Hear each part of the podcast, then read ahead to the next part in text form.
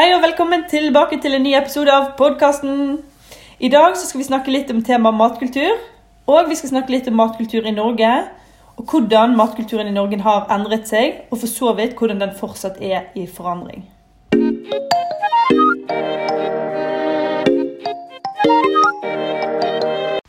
Hei, hei! Heidi her. Og ved min side har jeg Malin. og Mariell! Ja, Er dere klare for å sparke i gang? Ja, ja, ja. Ja. Ja, det er bra. tema i dagens podkast handler om hvorfor spiser du som du gjør. Så hva spiste du til frokost i dag? I dag starta jeg med å steike meg et egg. Og fant fram ei brødskive og tok på litt majones, for det må jeg ha. Etterfulgt med en eh, god kopp eh, kaffe. Mm, det hørtes godt ut. Ja, jeg lagde meg en eh, deilig smoothie bowl, og så toppet jeg med litt eh, mango og banan. Ikke feil. Ja, har dere da kanskje tenkt på tanken med at det du spiser, hvordan du spiser det, og når du spiser det, kan si noe om hvem du er, og hvilken kultur eller religion du vokser opp i? Ja, har ikke tenkt over det. Nei. For det er gjerne det her som definerer matkultur. Når eh, mennesker har en felles måte å tenke på, og kommunisere på, og oppføre seg på når det gjelder da mat og måltid. Ja, for eh, på skolen eller på jobb er det helt sikkert mange eksempler på ulike matkulturer og tradisjoner som man kan si eh, noe om hvem du er. Og det her kan f.eks. komme av ulik sosioøkonomisk status i forhold til det med utdanning, yrke og inntekt. Ja, Når det gjelder det her, det er sikkert veldig forskjellig fra alle, alle familier, holdt jeg på å si, men vi har jo alltid sagt at uh, pent folk spiser sent. fordi at eh, mamma og pappa har jo brukt uh, lang tid før de har kommet hjem, så vi har aldri fått spist før kanskje andre spiser kveldsmaten. Og det er jo kanskje en liten dårlig vane jeg har tatt med meg seinere i tid. Så det du sier, det er at eh, du identifiserer deg som pent folk? Ah. Nå kan vi ikke ro fra den, kanskje. Ja, Vi er i ulike stadier. Og sånn som barnefamilier de spiser gjerne med en gang de kommer hjem fra jobb og barnehage og skole. Gjerne klokka fire, f.eks., for, eksempel, for de skal rekke fritidsaktiviteter. Ja, og man har jo dette her med treningsutøvere òg, som ofte har eh, det at de må spise mat til faste tider. Eller det at de òg følger ofte strenge matregimer. Sånn så, eh, man kan jo se for seg at eh, Ingebrigtsguttene eh, de hadde aldri bare spist en sjokoladeplate på en eh, tirsdag, f.eks. Eller da hadde i hvert fall Gjert kjeftet mye på dem. Eh, man ser jo det f.eks. i en av eh, episodene deres, at eh, de spiser burger på treningsleir, og de har ikke en mye fornøyd pappa da, i hvert fall. Ja, Så hva slags omgivelser du er oppvokst i, eh, har en del å si. Om du f.eks. Eh, går forbi eh, matbutikken og går innom den rett etter skolen og kjøper en bolle. Eller om du er oppvokst ved kysten og reiser ut og fisker og griller den. Ja, det er forskjell på folk. Ja, det er tydelig. Det er jo veldig stor forskjell. Noen spiser med spisepinner, andre spiser ikke svinekjøtt. Mens noen vil si at eh, de har en familietradisjon når de spiser taco hver fredag. Så det her påvirker jo identiteten vår, hvem man er og hvilke verdier man har.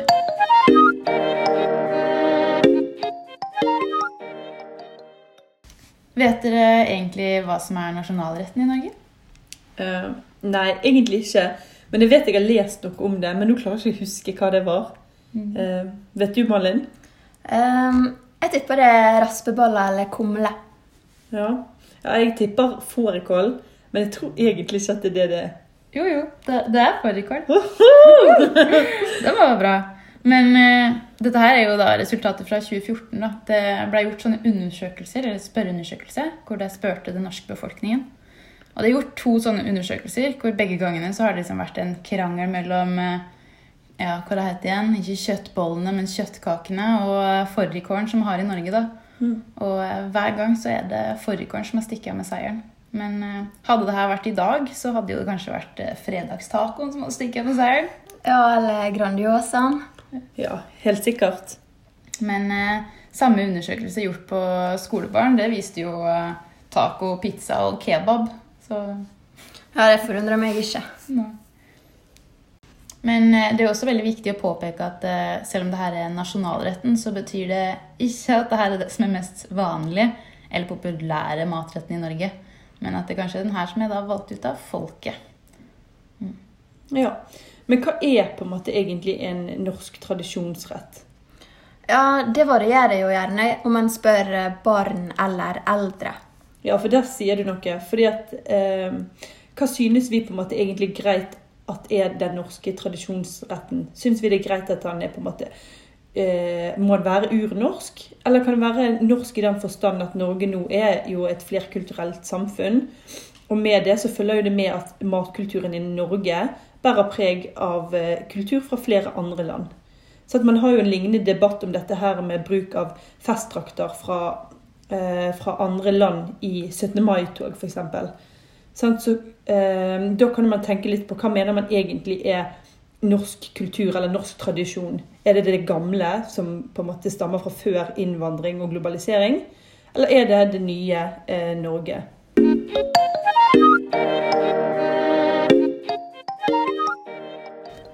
Sånn som nå står vi jo midt i en koronapandemi, der vi har opplevd mange former for restriksjoner. En av disse har jo vært at vi har stengt landegrenser for reiser.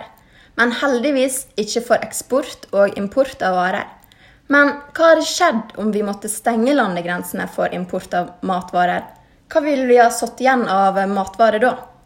Mm, det kunne ikke vært så veldig mye. Nei, for i Norge er vi jo helt avhengig av import for å forsyne befolkningen med nok mat.